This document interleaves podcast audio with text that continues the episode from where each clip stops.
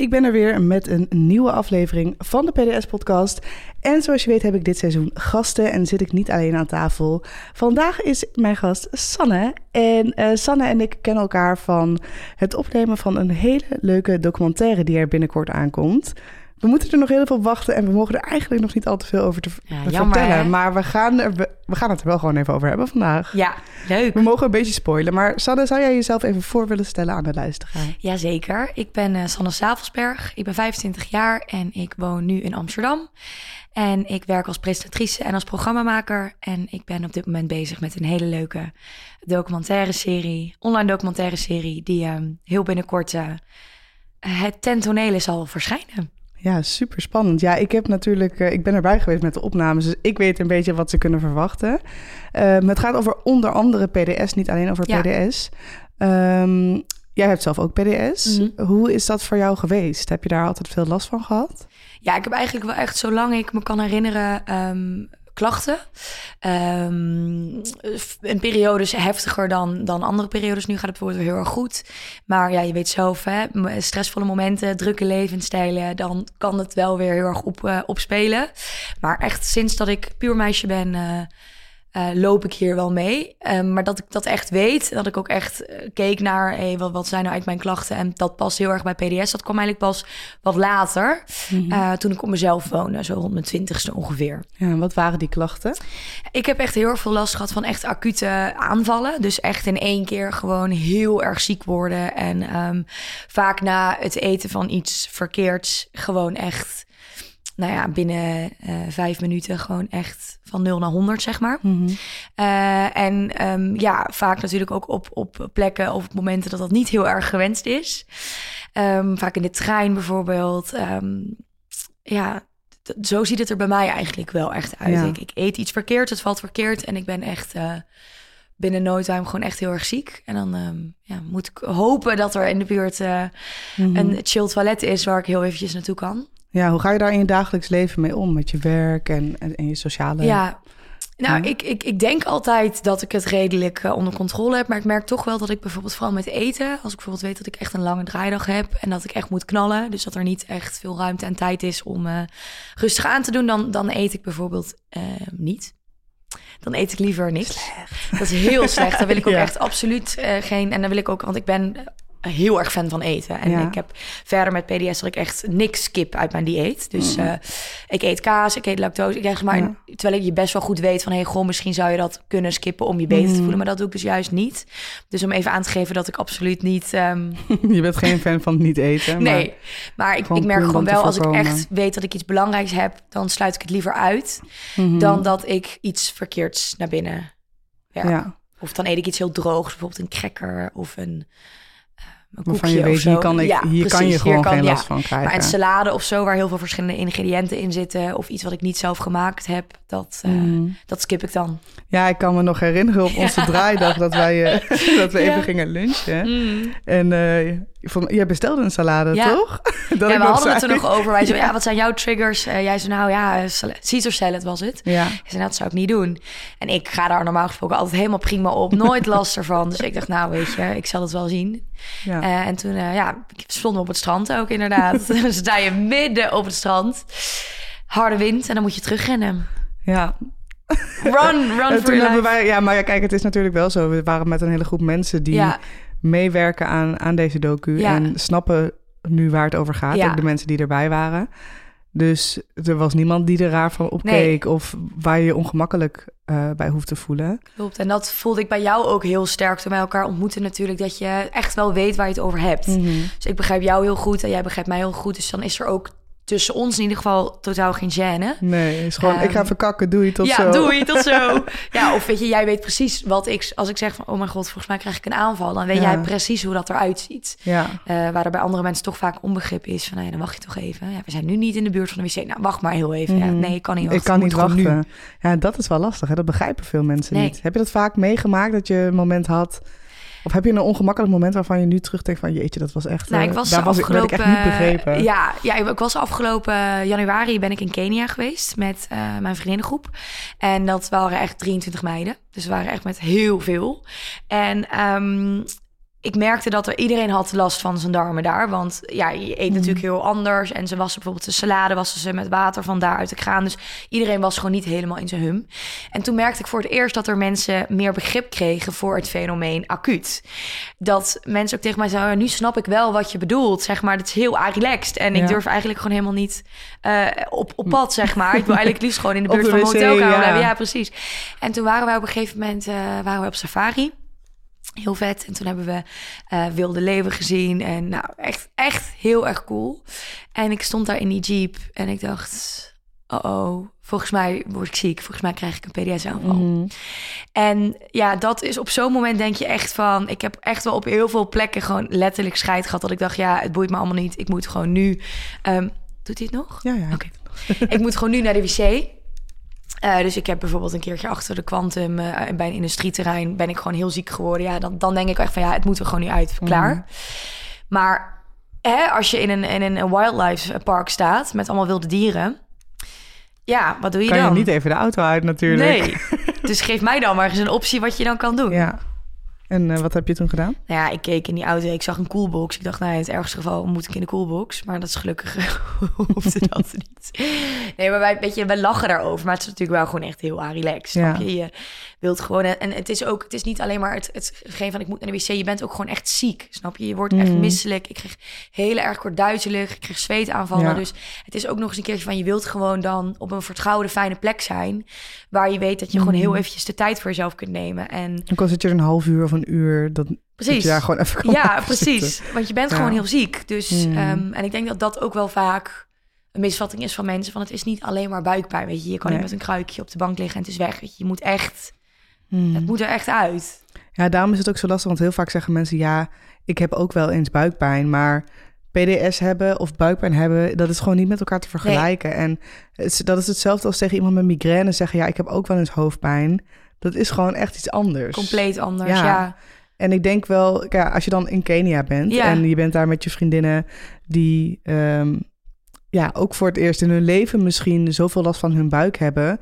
Het is denk ik een beetje te vergelijken met Bali Belly. Mm, Dat je Zeker, iets ja. hebt gegeten waar je niet tegen kan en eh, gewoon de hele dag op de wc zit.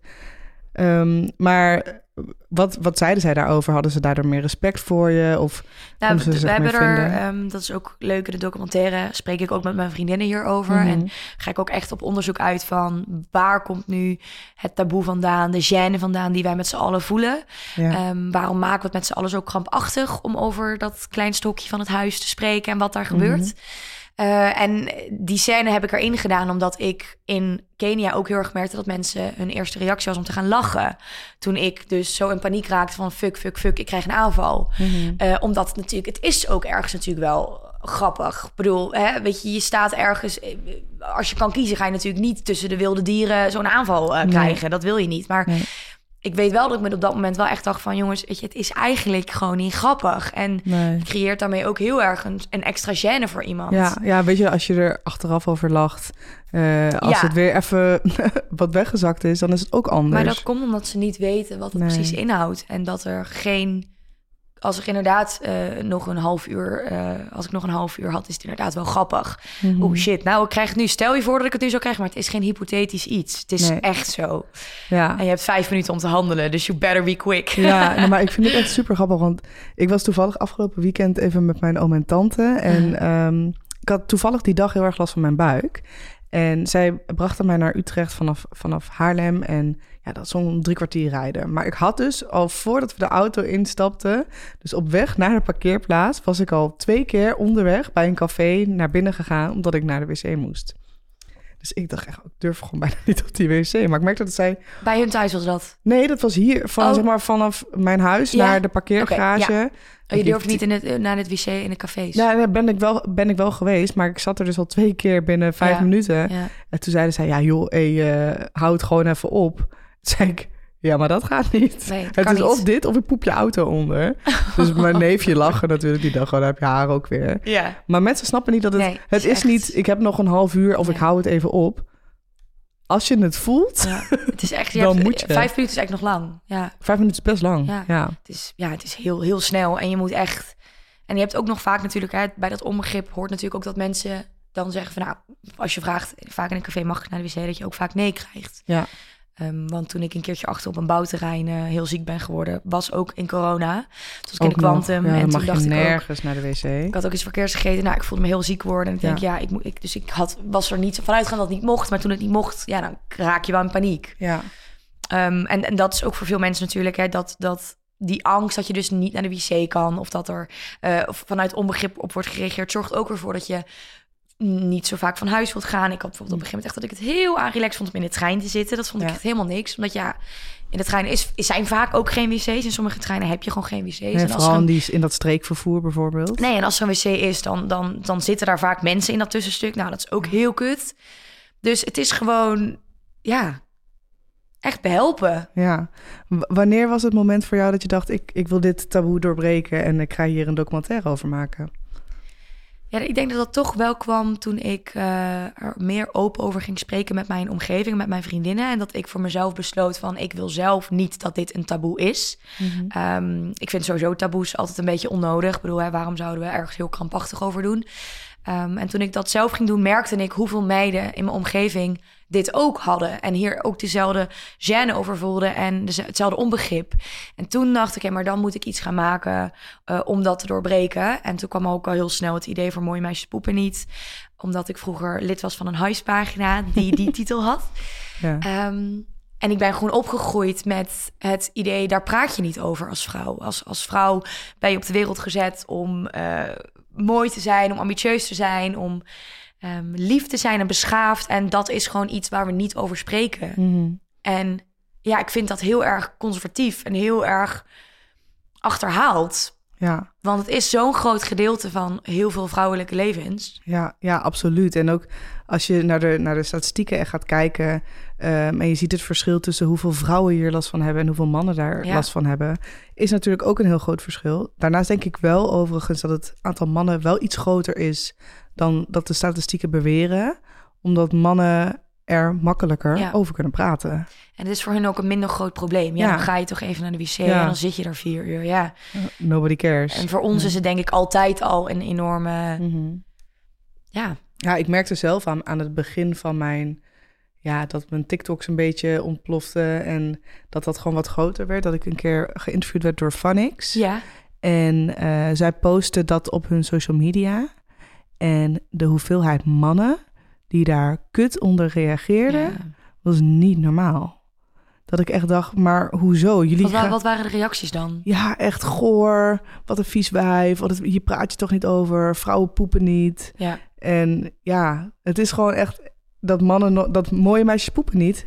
is echt een uitspraak die mannen best Ja, wel vaak doen. absoluut. Ja, ik heb het echt Ja. meermaals gehoord. En ook nu, hè. Ik spreek natuurlijk, ik heb heel veel research gedaan in mijn Mhm. documentaire met vrienden, met ehm, vriendjes van vriendinnen. En heel veel mannen, als ik met hun in gesprek ga hierover, is hun eerste reactie ook precies de reactie die jij Ja. nu schetst. En ik heb er echt een soort van levensdoel van gemaakt om door te vragen en om ook echt te denken van, ja, maar wat denk je hoe het is voor een vrouw? Hoe denk je dat het voor een vrouw is? Die met jou gaat daten, als jij er zo al... op- Ik zou niet met iemand kunnen daten die daar zo in staat. Echt Nee. niet. Ik vind het ook gewoon ontzettend onintelligent als je er als man Mhm. zo, zo tegenaan kijkt. En als je iemand zo'n gevoel geeft, ik vind dat heel erg onpaat, onempathisch. Ja, Ehm, en het is natuurlijk niet zo dat ik probeer om dit allemaal heel erg plat te maken. Hè? Ik Nee, wil niet dat we hier de hele dag over kak en over poep gaan lullen en over diarree en weet ik veel wat. Weet je, er mag ook wel enige, weet je, het mag charmant blijven, maar het gaat Ja. maar om dat we het in ieder geval niet, dat het geen taboe is en dat mensen weten dat dit er is en dat dit echt Mhm. een serieus probleem is. en hoe het eruit kan zien. Precies. Ja, want ik vind het heel tof aan, aan de docu die jij maakt... dat jij zoveel verschillende vrouwen hebt Ja. gepakt. Maar ook allemaal vrouwen die gewoon... eh, bijvoorbeeld Judith, die was laatst hier in de podcast... eh, die gewoon op het podium staat... Ja. En eh, ja, je hebt er wel echt vrouwen uitgepakt die wel echt er wat van maken, ondanks dat ze zoveel last kunnen Ja. ervaren van hun darmklachten, Ja. buikproblemen. Ehm, om te zien dat het ook wel, het mag best wel empowering zijn Ja, zeker. om je hierover uit te spreken. Ja, En ik vind dat- ja, dat dat daarin terugkomt, dat vond ik echt heel erg mooi. En toen jij mij vroeg van, hey, wil jij hier aan meewerken? Toen zei ik eigenlijk zonder twijfel gelijk, ja, dit gaan we doen. zo leuk. Want ja. ja. die missie van jou vind ik gewoon zo sterk hierin. En inderdaad, het mag best charmant blijven, maar ja, we kunnen wel gewoon zeggen van... hé hey joh, ik heb nu een aanval of ik heb nu buikpijn of dit is hoe het eruit Ja. ziet. Ehm, dus ja, wat dat betreft vind ik het echt, echt heel erg mooi dat je dit Oh, gaat lief. doen. Ja. Lief, dankjewel. Vind je het spannend als het straks online komt? Vind het wat heel voor, spannend, wat voor reacties denk je dat er gaan komen? Ehm, nou, het is mijn eerste documentaire die ik maak. Ik heb natuurlijk veel, ehm, veel content al wel gecreëerd, maar ik heb nog nooit een docuserie gemaakt. Dus dat is voor mij sowieso een heel bijzonder project. Ik denk dat, dat het heel erg verfrissend gaat zijn. Ehm, ook qua stijl, zeg maar. Niet om al te veel in de director lingo te gaan praten, Mhm. maar het is eh, heel erg jong en heel erg fris en heel snel. Dus het zijn korte afleveringen, snelle scènes. En tegelijkertijd heeft het iets heel erg gelaagd. En echt een diepere laag in de docu. Heel erg veel inhoud van. Ik ga echt op zoek van waar komt nu dat taboe vandaan? Mhm. Eh, we hebben het ook over vrouwelijkheid. Weet je, wat is vrouwelijkheid? Als er inderdaad een uitspraak kan bestaan als mooie meisjes poepen niet. Wat maakt dan een meisje mooi? En ehm, wie heeft dat bedacht? Hè? Wat Mhm. mooi is? En kunnen we niet dat narrative veranderen? En kunnen we dan niet inderdaad zorgen dat juist vrouwen die dit omarmen en die hier open over zijn, dat dat juist mooi wordt gevonden? Mhm. En ik denk dat dat een hele mooie combinatie is, een hele spannende combinatie ook. En ook de vrouwen die we bijvoorbeeld, volgen met een stoma. Ik volg twee vrouwen, Irene, Sarah. I- Irene en Sarah ehm, met een stoma. Ehm, die ook, waar, waar ik echt mee in gesprek ga van wat is vrouwelijkheid? En wat maakt dat we over het algemeen een stoma als niet mooi zien? Mhm. Eh, maar wat is dan mooi? Dus ik denk Ja. dat, dat, dat dat echt een hele interessante Ja, dynamiek het gaat, gaat, het geven. gaat ook echt over onzekerheid en Ja. kwetsbaarheid. En ja, gewoon het durven, gewoon durf, durven te hebben, zeg maar, om dit aan te gaan. En jij zei op een gegeven moment ook echt iets heel erg moois. Jij zei op een gegeven moment van, eh, dat was dat gesprek op het strand wat we hadden, het interview, die Mhm. scène. Dat, het- dat jij ook zei van, niemand ehm, kan, je, kan je bevrijden van, deze, van dit, deze schaamte. Snap je? Dat, dat kun je alleen maar zelf doen. Als jij zelf hier oké mee bent, dan kan je ook anderen inlichten. En dan kun je ook anderen uitleggen wat jij weer van hen nodig Mhm. hebt. En alleen zo doorbreek je het taboe. Ja. Je kan niet van mensen gaan vragen van, ben daar helemaal oké mee als je dat zelf niet Nee. bent ergens. Nee, dan wordt het heel lastig ook, denk ik, voor jezelf. dat, dat vond ik zo Ja. inspirerend. Ik vond die scène ook echt... eh, we zaten Ja. laatst in de edit en ik zag hem terug. Ik dacht echt, oké, wauw. Dat was echt Ja. zo mooi. Ja, ik kan echt niet wachten tot, het, eh, tot het online komt eigenlijk. Ja, ja, dus ik zou zeggen, hou alle kanalen goed in de gaten. Want je werkt ook samen met de Maagleven Darmstichting. Ja, klopt. Ehm, dat komt op, eh, op hun kanaal, Ja, komt het klopt. toch? Ja, ja. Ja, super spannend. Maar wel heel erg leuk. Ja, Zo ik, leuk. eh, ik heb echt zin om dit eh, terug te zien. En eh, ga je een soort van viewing party organiseren? Kunnen mensen komen kijken? Misschien is dat. Nou, dat is wel inderdaad wat leuk. Ja, we zijn daarmee bezig. Ik zou het zelf heel leuk vinden als we een soort van event kunnen opzetten... waarin er dus ehm, gewoon kaarten verkocht kunnen worden. Dat mensen gewoon kunnen komen kijken als een soort van Mhm. première. Maar daar zijn we nog heel, helemaal mee bezig. Kijk, wij gaan sowieso natuurlijk die Ja. documentaire samen kijken met z'n allen... met de hele crew en alle deelnemsters. Maar ja, ik, ik zou dat wel heel leuk vinden. Dan kunnen Ja. Ja, misschien mensen die de podcast luisteren ook wel jou ontmoeten... en, en, en in gesprek gaan met anderen. Ik denk dat dat wel heel erg empowering is. Ja, nou, mocht je dit nou horen en denken: hé, hey, nou, dat zou ik nou echt heel leuk vinden. Stuur me gewoon even een berichtje. En Ja, we leuk. kunnen gewoon even kijken wat er mogelijk is. Ik ga niks beloven, maar wie weet kan het wel. En dan zou dat ook heel, heel erg leuk, zijn. Ja, ja en sowieso moeten ze natuurlijk allemaal, allemaal gaan kijken. En, dat absoluut. en laten weten wat ze ervan vinden. Of ze zich herkennen, of ze het inspirerend vonden.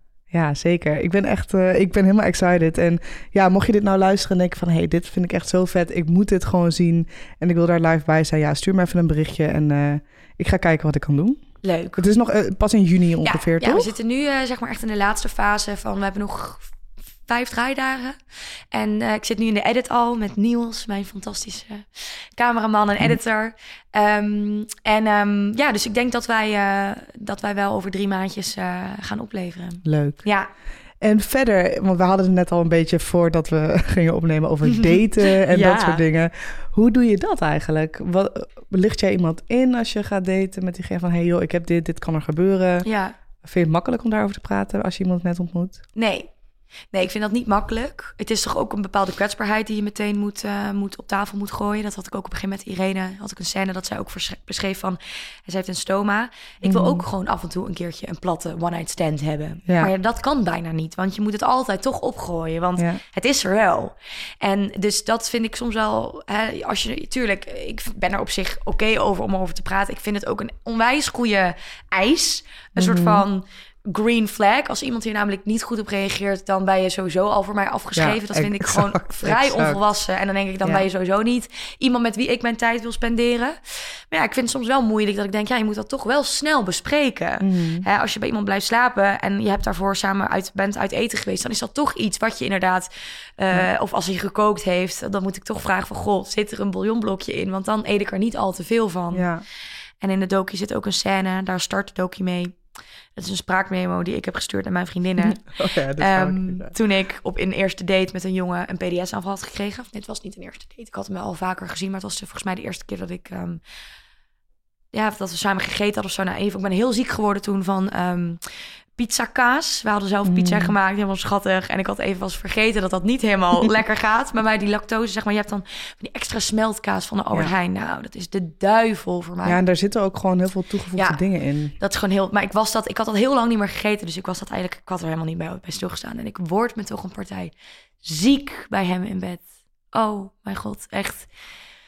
Ik kon wel janken. En ik, ik, ik, je wilt ook gewoon dan. Je wilt thuis zijn, snap je? Je voelt je Mm. echt niet lekker. Je wilt gewoon naar huis. Maar ja, je kan ook niet echt weg. Nee. Eh, dus de docu begint met die spraakmemo dat ik echt gewoon op de fiets zit de volgende dag en zegt: "Oh mijn god, jongens, ik heb echt, ik ben zo ziek geworden en ook wel echt gewoon heel erg emotioneel van ja, ik vind het gewoon echt heel erg kut, weet je wel."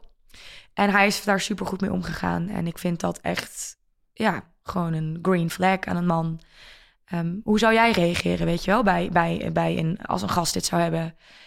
Ik zou Ja. niet eh, met een soort van taart en, en, en, en kaarsen en, en verjaardagsmuziek op de gang gaan staan. Van wat goed dat je, wat leuk, weet je. Gefeliciteerd. Ja, ik zei ook, ik kwam terug Ja. en ik zei tegen hem van, ik voel me zo kut. Ik, zo, ik schaam me heel erg. Ik zei, straks Mm. heeft je huisgenoot eh, dit meegekregen. En hij zei echt, San, who cares? Ja, Who fucking cares? Als jij je maar goed voelt nu en als je je Mhm. beter voelt. Toen dacht ik, ja. Oké. Ja, nee, maar ik denk, het is dat. Dat is een, een, een gedeelte van ehm, het geheel, zeg maar. Daarnaast heb je nog bijvoorbeeld eh, een opgeblazen buik hebben heel Ja, erg door je eten. Bijvoorbeeld klopt. de eerste keer als jij eh, met iemand ehm, bijvoorbeeld seks hebt Ja, en jij hebt een hele opgeblazen darm, Mhm. doet het ook gewoon pijn. Mhm. Naast dat je een opgeblazen buik hebt. Ja. Dus dat het ook niet altijd prettig is om bijvoorbeeld seks te hebben. Ehm, daar kunnen mensen ook best van schrikken. ja ik, heb dat, ik heb dat gelukkig niet. En dat opgeblazen zijn Mm. heb ik wel zoiets van, dat is puur uiterlijk. Ja. En zolang ik me goed voel en mentaal oké ben, dan kan ik met die bloated buik prima overweg. Ja. Eh, pantalonnen, draag pantalonnen. ja. Fantastisch. Maar ja, klopt. Er komt zoveel meer bij kijken. En, Mhm. en Judith zei ook van... ehm, ik refereer nu de hele tijd terug naar de, naar de docu... omdat ik natuurlijk heel veel meiden gesproken heb hierover. Maar ze zei van... Mhm. PDS in combinatie met intimiteit, daarover praten... dat is natuurlijk heel lastig. Want Mhm. bij intimiteit hoort iemand sexy vinden en aantrekkelijk. En ik kan heel goed begrijpen dat je niet per se het heel erg aantrekkelijk vindt... als, als er... een PDS-aanval is niet aantrekkelijk. Snap je? Er is niks moois aan. Maar is iemand altijd aantrekkelijk? Precies. En moet het altijd maar Nee. lekker en geil en, Nee. en sexy zijn? Ehm, ja, het leven is niet altijd zo. Ik vind ook van niet. En dat is dan precies de conclusie die wij trekken van het beeld van vrouw en hoe een vrouw moet zijn en waar een vrouw wel en niet over moet kunnen praten, dat is Mhm. zo ontzettend achterhaald. Een vrouw bepaalt zelf waar zij over spreekt Ja. en waar ze zichzelf comfortabel bij voelt. We leven niet meer in de, ja, 1800 of zo. ik ben niet eh, op deze wereld gezet om het een man naar zijn zin te maken. Dus als een Nee. man zich oncomfortabel voelt dat ik hier open over spreek en dat ik deze film Mhm. maak, dan zegt dat alles over hem. Ja, En niet zo heel veel als over ons als, Nee. als maker of als deelnemer. Zeker niet. En ik denk ook, ja, wat jij net al zegt, heel mooi van... als iemand hier niet oké op reageert, is dat voor mij gewoon een red flag. Ja, Dan kan daar- Absoluut, echt alle Ik- alarmbellen gaan af. ja, ja, weet je, het gaat, we hebben het over mijn gezondheid. Ja, precies. Ik heb hier niet voor Nee. gekozen. En eh, daarnaast het hele mentale stuk wat Ja. er nog bij komt kijken. Kijk, PDS is niet in een hokje te stoppen, want het is voor iedereen anders. Iedereen ervaart andere klachten. Ehm, het uitzicht anders. De ene heeft heel veel koliekpijn. De ander denkt alleen, ja, ik voel me gewoon niet lekker in mijn vel. Of eh, kan heel, ik moet heel vaak of ik moet heel weinig. Ja, weet je, dat, dat verschilt gewoon bij iedereen. Maar we, we, we kunnen het er wel over eens zijn dat we allemaal het lastig vinden om hierover te praten. Absoluut. PDS of niet, dat hebben alle, Ja. alle vrouwen. Ja. Ja. En ja, ik denk gewoon door zo'n documentaire zoals dit, maar ook door wat Judith bijvoorbeeld doet online Ja. en mijn TikTok. Ik denk dat we daarmee al wel kunnen laten zien van oké, Het mag anders. Mm. We leven in een tijd waar, waarin het anders mag en kan. Er hoeft geen schaamte te zijn. Maar een taboe, dat houdt jezelf in stand. Ja. Dus ja, kies je ervoor om het taboe te doorbreken... of kies je ervoor om zo door te gaan? Jij hebt er last van. Ja. Als jij ervoor kiest om het taboe niet te doorbreken... heb jij nog meer last van de klachten die je ervaart. En ik denk dat mensen dat niet altijd begrijpen. Ja. Waardoor ze... Kijk, ik, ik ben echt eh, all in voor... Je mag je vervelend voelen en je hoeft je niet altijd goed te voelen. Maar daar tegenover staat wel... eh, dat sommige mensen ook heel erg lang in een soort van slachtofferrol kruipen. Ehm, en er niks aan doen. Ja. Want het is niet zo dat er helemaal niks aan te doen is. Er zijn tools, er zijn tips, er zijn tricks. Zoek ze op. En als jij daar... eh, dit is een beetje tough love, misschien als je luistert... maar als jij te lui bent om actie te ondernemen... om naar jouw arts te gaan, om een dieet te volgen... om dingen uit te proberen die misschien kunnen helpen... Na bijvoorbeeld, stel je hebt de tien jaar... en na die tien jaar is er nog steeds niks veranderd... hoe serieus neem jij jouw eigen gezondheid dan? Ja. Hoe graag wil je dan af van jouw klachten? Want het is ook ja, lekker makkelijk om dan maar altijd te zeuren over dat wat je hebt. En kijk, bij sommige mensen gaat het niet weg, hè? Dat, dat, laat ik dat ook zeggen. Maar probeer alles wat je kan proberen. Is er dan nog geen oplossing voor je? Eh, zoek dan naar een manier hoe jij hiermee om kan gaan. Wat voor jou wel werkt. Ehm, en dat, dat ziet er voor iedereen anders uit. Maar er is, het is nooit zo dat er niks is wat werkt. Nee. Nee, Want het kan niet. ook komen door te veel stress. Of door slecht zorg voor je mentale gezondheid. Ja. Want je brein-darmconnectie werkt samen. Er zijn zoveel tools en tips en tricks. En ik heb hier echt al heel veel afleveringen over gemaakt. maar ga niet denken van er is niks voor mij. Er is iets voor iedereen. Voor iedereen en voor iedereen ook een hele andere oplossing. Kijk, voor mij werkt het op een gegeven moment gewoon heel erg goed om in ieder geval die triggers te achterhalen. Ja. Nou, knoflook, ui, maar ook dus bouillonblokjes en Mhm. smaakversterkers. Dat is bij mij Ja. heel erg een eh, trigger. Ehm, hè, en, en je heb kan... je dit gedaan met het FODMAP-dieet? Of gewoon, Nee, het gewoon eh, random eigenlijk oh ja. wel. Op een gegeven moment eh, weet ik nog dat ik parelcouscous heel vaak at. En dat ik elke keer als ik parelcouscous at, dat ik me niet lekker voelde. Mm. En dat ik wel dacht van dat ik soort van steeds meer ging kijken van heeft het dan echt te maken met, het, met de parelcouscous? Want andere Mhm. soorten met dezelfde ingrediënten kon ik wel gewoon verdragen. En uiteindelijk kwam ik er dus achter dat, het, dat ik parelcouscous altijd maakte met een bouillonblokje. Mm. Eh, en dat dat gewoon voor mij eh, dat dat niet goed Een trigger werkt. was, en ik denk wel dat dat in ieder geval een basis kan zijn om je handvatten te geven van. Ik weet gewoon zeker dat als ik dat eet, dat ik niet helemaal lekker word. Dan kan je zelf Mhm. bepalen of je het wil eten of niet. Je Ja. hoeft jezelf dan echt niet altijd kaas te onthouden. Of altijd, weet je Nee. wel, van ik mag nooit een smaakversterker gebruiken. Maar je weet van, nou, kan het nu? Ben ik lekker thuis? Weet je wel, Eh, heb ik Mhm. niet eh, iets belangrijks op de planning? Ja. En inderdaad gewoon dat taboe voor jezelf doorbreken. Dat heeft mij zo ontzettend geholpen. Alleen al het uitspreken en er niet zo krampachtig Dat over komt ook met leeftijd, Ja. denk ik. Weet je, wij zijn Absoluut. natuurlijk nu ook op een leeftijd dat we zoiets hebben van überhaupt onzekerheid. Het is zo zonde van je tijd. Mhm. Je, wordt nooit meer zo jong als dat je nu bent. Waarschijnlijk ook nooit meer zo, zo, zo knap, zo jeugdig, zo ambitieus. Je Tenzij je J-Lo bent. Ja, dan, dan wordt het alleen maar beter. Maar het is zo zonde om daarmee te leven. Je. Wat ontzegt het je allemaal? Je Mhm. ontneemt jezelf zo ontzettend veel. Ik had op een gegeven moment, dacht ik, nou, als ik niet meer met de trein ga, nou, wat, waar kom je dan allemaal niet? Mhm. Hoeveel, hoeveel laat je gaan? Ja.